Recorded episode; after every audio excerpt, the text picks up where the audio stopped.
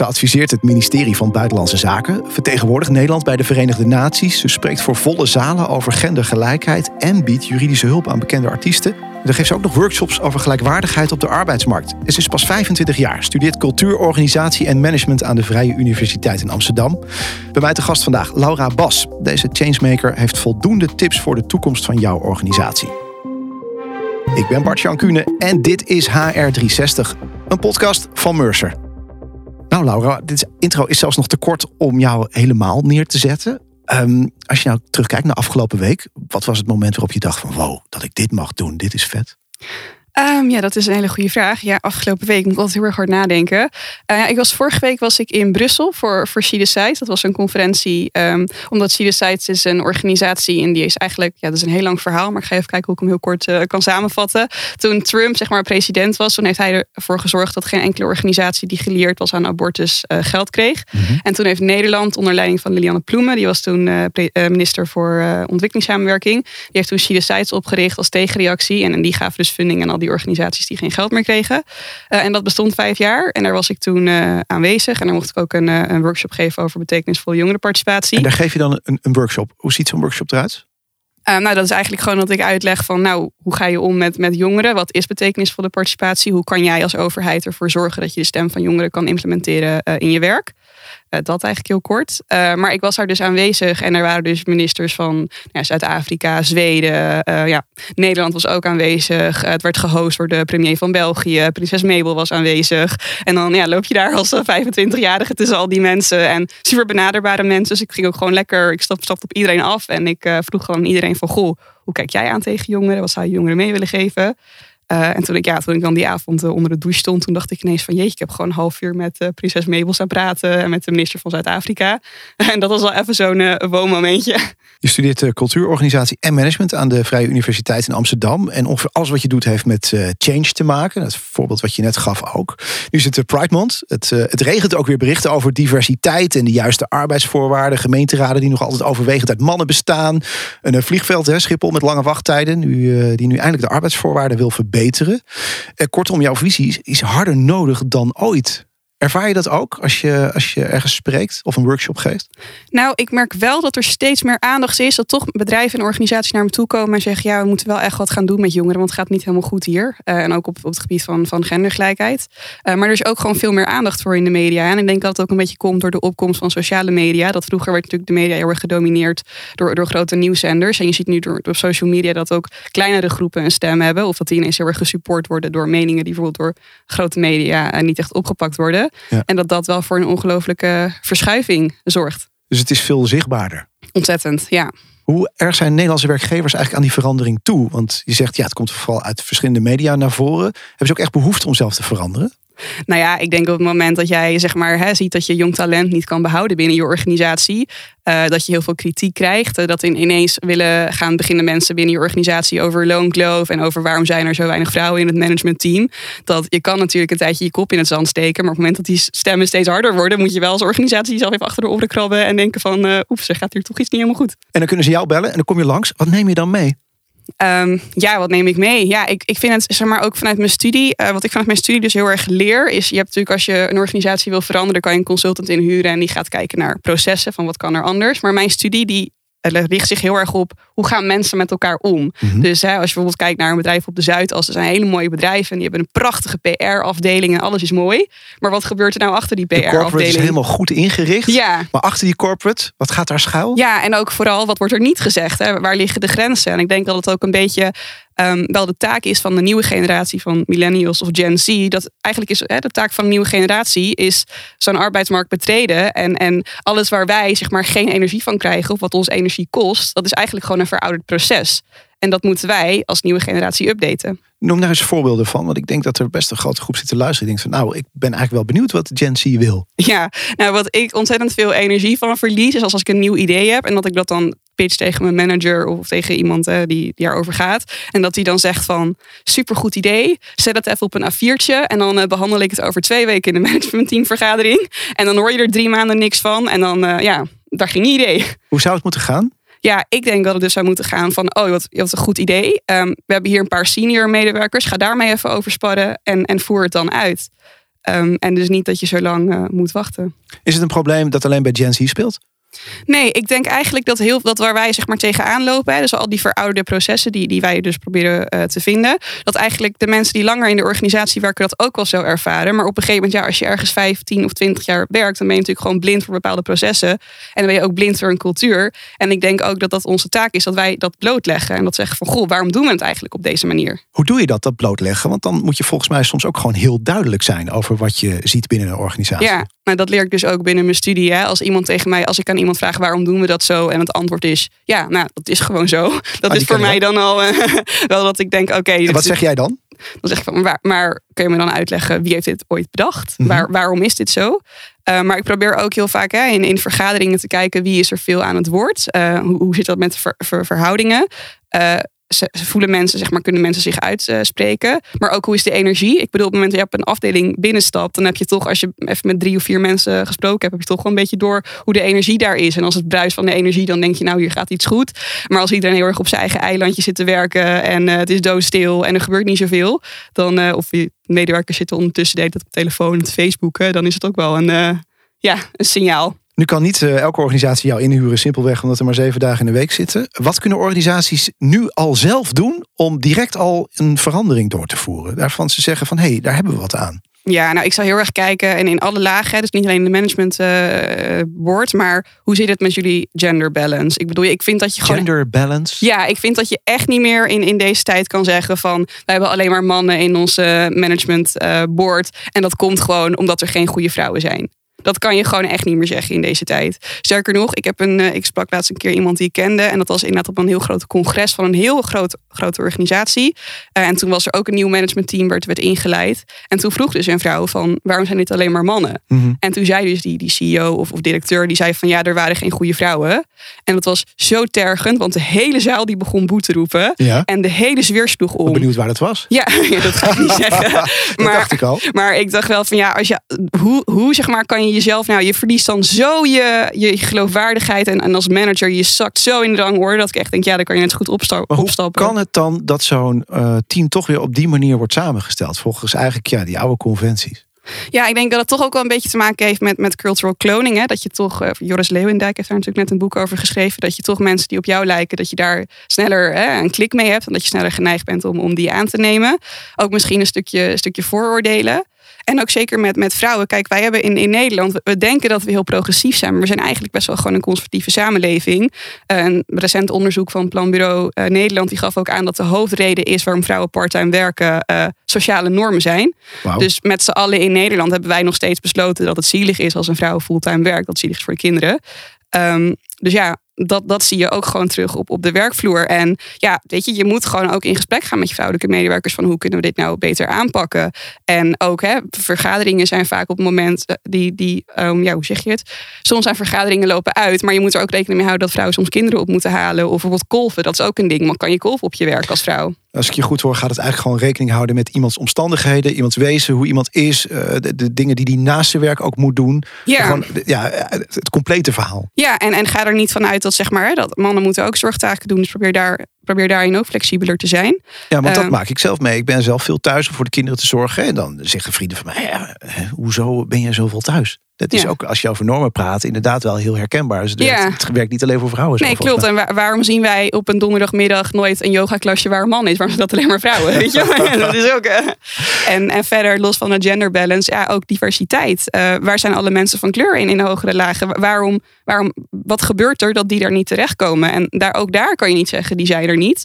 Eh, en ik denk dat het misschien toch ook is hè, dat heel veel grote bedrijven, zeker wat de prestigieuzere organisaties, willen toch vaak mensen die gymnasium hebben gedaan, eh, WO, besturen. Maar je moet er ook gewoon rekening mee houden dat op het moment dat jij dat soort mensen eh, wil, die komen wel uit een bepaald milieu. En ik vind ook dat we nu niet meer kunnen zeggen dat succes heel erg iets is wat je zelf creëert. Ik bedoel, je, Mhm. je, je omgeving, je netwerk, je kansen die jij gehad hebben, die spelen een ongelooflijke rol. Dus daarin. eigenlijk zeg je, als je daar verandering in toepast, dan word je misschien wel succesvoller dan je nu denkt. Ontzettend, ja. En ieder onderzoek wat je hierbij pakt over diversiteit, zegt gewoon dat diversiteit leidt tot, tot betere beleidskeuzes. Ehm, ja, gaat dus enerzijds over diversiteit. Je had het ook al even over de behoeften van de werknemer versus die van de organisatie. Daar gaat het over als ik je zo hoor. Daar gaat het natuurlijk ook veel over in het Global Talent Trends onderzoek van Mercer. Daar is het verbindende woord purpose. Wat is volgens jou de definitie van purpose? Ja, purpose is voor mij de definitie dat je dat je werk of je werkzaamheden die je verricht wel een beetje in lijn zijn met je persoonlijkheid en, en wat jij belangrijk vindt in het leven. Ik vind gelijkheid bijvoorbeeld heel erg belangrijk. Uh, nou ja, toen ik ben nu dus ook jongerenambassadeur voor gendergelijkheid en voor seksuele rechten. Dus daar zit dat gender ook al heel erg in. Uh, maar ik ben wel, nu ik wat ouder word, dat ik denk, ja, gendergelijkheid was heel erg makkelijk. Want daar had ik zelf natuurlijk last van. Maar ik probeer nu wel wat meer naar hè, gewoon kansongelijkheid in het algemeen te kijken. En eigenlijk met alles wat ik doe, heb ik dat wel altijd een beetje in mijn achterhoofd. En want daar krijg ik gewoon energie van om, om daaraan dus, te werken. Dus met die doelstellingen, met, met die waarden sta jij in het leven. Ja. Hoe belangrijk is het voor jou dat je, dat je werkgever daar rekening mee houdt? Ja, heel belangrijk. En ik zie het ook terug op, op de werkvloer. Wat mij bijvoorbeeld heel erg opvalt, is dat mensen die bij NGO's werken, die, zeg maar, bij NGO's verdien je gewoon aanzienlijk minder geld dan bij bijvoorbeeld een grote corporate. Maar als ik zie hoe hard die mensen werken, omdat die zo intrinsiek gemotiveerd zijn, vind ik dat heel interessant. Um, en ja, ik vind de, overheid vind ik dat bijvoorbeeld best wel een, grappig voorbeeld van. Want daar verdien je bijvoorbeeld, daar verdien je best wel goed, maar dan kan je ook aan je intrinsieke waarden uh, werken. En dat maakt het, de overheid voor mij bijvoorbeeld ook wel heel, heel aantrekkelijk. Werken bij een uh, organisatie die jouw persoonlijke doelen deelt, erkent en herkent, uh, samengevat en in die purpose. Hoe krijg je het snel voor elkaar als werkgever naast je commerciële doelen? Als je geen NGO bent en je wil mensen toch aanspreken op hun intrinsieke energie? Ja, nou, ik denk dat je sowieso als organisatie zelf helder moet hebben wat je, wat je ja, intrinsieke motivatie is, wat je purpose is. Als onderdeel van je werk kan je dan bijvoorbeeld vier uur of, of een x aantal uren werken aan, aan vrijwilligerswerk of pro bono werken, dingen die jij belangrijk vindt. Uh, en dat bijvoorbeeld voor, voor een bedrijf dat hele grote commerciële belangen heeft, bijvoorbeeld een hele goede optie om dat te doen. Um, maar praat ook met je werknemers. Als je mensen aanneemt, vraag gewoon wat vind jij belangrijk in het leven en hoe kunnen we dat terug laten komen in jouw werkzaamheden. Want ik denk echt ook met, met, hè, met mijn generatie die de arbeidsvloer betreedt, niets is zo fijn dat als jij zelf een beetje invulling kan geven aan je werk en als jij denkt hier krijg ik energie van en dat je daarin gesupport wordt. Durf jij eh, de stelling aan dat als een bedrijf geen aandacht besteedt aan de purpose, dat ze dan kunnen fluiten naar nieuw personeel in deze tijd van krapte? Ja? ja, een van de grootste concerns van millennials waar ze zich druk over maken. Dat was, waren inderdaad wel allemaal purpose-related onderwerpen, bijvoorbeeld klimaatverandering, sociale ongelijkheid. Uh, dat zijn echt eh, afhakers. Als een, als een organisatie daar geen aandacht aan besteedt, dan blijven ze weg. Ja, maar ik zou zelf ook niet voor een organisatie willen werken die ja, alleen maar bezig is met, met winst. En ik denk ook, hè, met ook weer door social media, ik denk ook gewoon niet echt meer. We worden heel woke. Hè. We, we zien dat op het moment dat wij ervoor kiezen om bijvoorbeeld uit China heel erg goedkoop dingen te importeren, dat andere mensen daar gewoon onder lijden. En vroeger was dat veel minder zichtbaar. En ik denk dat zeker mijn generatie daar gewoon niet echt meer zijn zijn gezicht voor wil, wil draaien of dat wil gaan ontkennen. Want ja, we worden ook veel meer met die feiten geconfronteerd. Dus dat maakt ook dat we anders naar werk kijken, denk ik. Breng me bij de volgende vraag. En dat is dan misschien wel interessant. Eh, hoe kijk je nou als changemaker aan tegen die enorme krapte op de arbeidsmarkt? We bezoeken eigenlijk al een aantal afleveringen. Die ene gouden tip. Heb je, heb je iets waar je zegt van ja, maar daarmee maak je echt verschil? Nou ja, ik denk dat het gewoon heel erg belangrijk is om, om zeker nieuw talent ook wel als gelijke te zien. Kijk, wat ik bijvoorbeeld heel vaak zie binnen organisaties, is dat ze de stem van, van nieuw talent heel belangrijk vinden. En dan maken ze bijvoorbeeld een jongere MT. Maar waarom moet je een jongere MT maken? Waarom kan je niet gewoon standaard een paar een aantal jongeren eh, in een gewoon in het normale management zetten? Ja, gelijkwaardigheid. Kun je nog andere waarden noemen die hierbij belangrijk zijn? Um, ja, gelijkwaardigheid, het gesprek blijven, blijven aangaan. Ik denk ook dat de hiërarchie met mijn generatie niet echt heel erg meer gaat werken. Um, dus ja, in hoeverre, in hoeverre ja, flexibiliteit, ontzettend belangrijk. Ik denk ook, hè, zeker dat is ook wel. Kijk, diversiteit en inclusie zijn nu hele grote thema's, maar ook new ways of working. Corona is voorbij. Hoe gaan we dat doen? Mensen, mensen vinden thuiswerken fijn, willen thuis blijven werken, willen soms midden op de dag sporten. In hoeverre uh, ben jij daarin flexibel als werkgever? En in hoeverre controleer je je medewerkers? Uh, dat, dat zijn ook. Uh... En dan kom jij dat vertellen terwijl ik het je hoor zeggen. Denk, dat is ook een enorme opgave voor al die HR-afdelingen om maar zo'n passend programma te maken voor elke medewerker met zijn eigen behoeften en doelstellingen. Of is het niet zo ingewikkeld? Nou, ik denk eigenlijk dat, hè, dat, dat, mijn, dat ik ben echt geen uitzondering voor mijn generatie. Dus ik denk eigenlijk gewoon dat als je een talent aanneemt en je vraagt wat vind jij fijn, dat de meerderheid gewoon inderdaad zegt, ja, flexibiliteit, gelijkwaardigheid, um, ja, um, dat. En, en dat op het moment dat je daar je programma, je, je, ja, je markt of je werkzaamheden op inricht, dat je gewoon de doelgroep aanspreekt. Dus ik zie dat helemaal niet als, ja, tuurlijk, het is, het is verandermanagement, maar ja, uh, ik kijk hoe, hoe, naar tien jaar geleden of twintig jaar geleden al niet eens een iPhone. Dat vinden we nu ook allemaal heel vanzelfsprekend, toch? Dus ja, het moet gewoon een beetje organisch gaan. En je moet gewoon niet bang zijn voor verandering. En als jij als bedrijf stilstaat, dan ga je achteruit. En als je achteruit gaat, dan overleef je het niet. is mooi, je kijkt nu terug. Kijken we even vooruit naar jou. Over tien jaar, 2033. Ja. waar, waar, waar sta jij dan?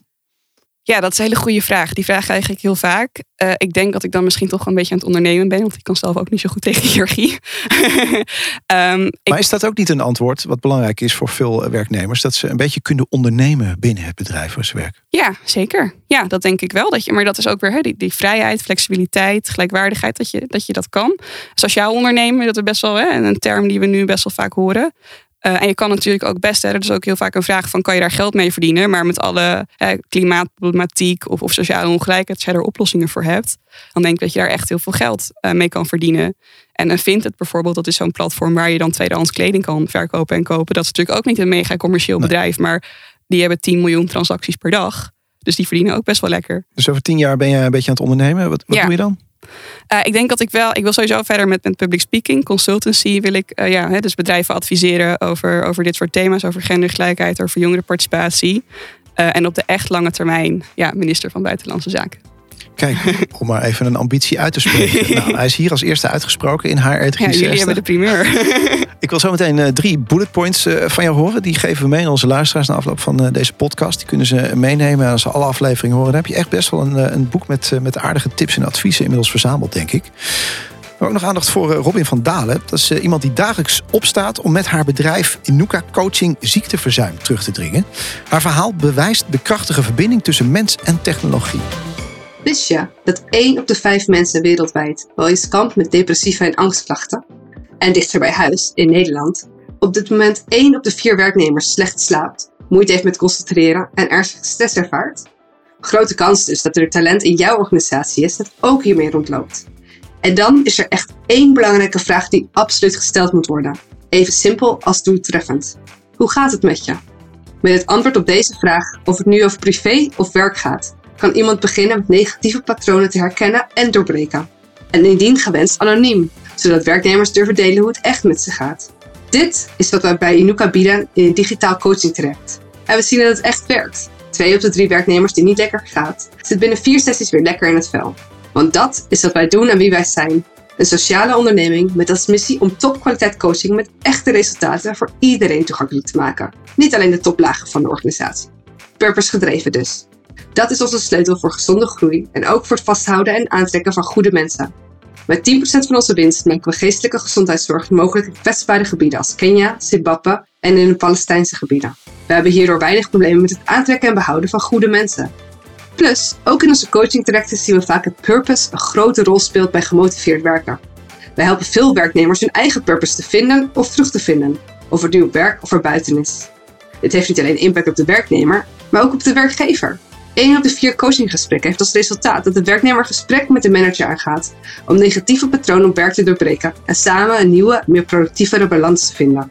Bijvoorbeeld door nieuwe, meer purpose-gedreven stukjes werk op te pakken of misschien wat vrijwilligerswerk te doen.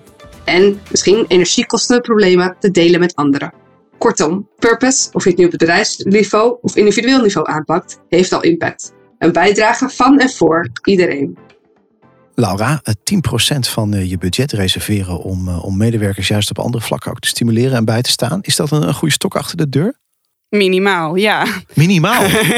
ja, nou, het liefst wil je natuurlijk dat, dat je medewerkers dat uit hun werk halen. Maar uh, als het op andere vlakken, uh, ja, als dat, en dat is de goede eerste stap. Dus ja, ik zou zeggen dat is een eerste stap, maar dat is zeker niet het eindstation. Dank voor al je tips. Um, heb je er nog drie voor ons? Drie bullet points die we meenemen? Ja. Nou ja, als je wil kijken naar purpose, dan zou ik als eerste zeggen: ga in gesprek met je medewerkers zelf. Ga alsjeblieft niet een heel erg groot, mooi PR- en marketingbureau houden. Want je medewerkers moeten die purpose voelen. Dus ga in gesprek. Waar staat jouw organisatie voor? En misschien heb jij als, als manager of als managementteam een heel mooi idee daarvan. Maar als jouw medewerkers dat niet voelen, dan gaat het hem gewoon niet worden. Um, de tweede tip is: maak het concreet. Ik zie heel vaak als purpose staan: wij willen de wereld een stukje mooier maken. Ja. Of willen weer een stukje innovatiever. Maar hoe dan? Maar hoe dan? Ja, hoe doe je dat? Want ik, ik, ik voel die niet zo. En ik, bijvoorbeeld, ik zag laatst een bedrijf en dat uh, deed workshops in stem acteren. En die brandde zichzelf als de leukste workshop van je leven. en dan denk ik wel van ja, nee, dat voel ik, ja, dat wil ik doen. Zeker.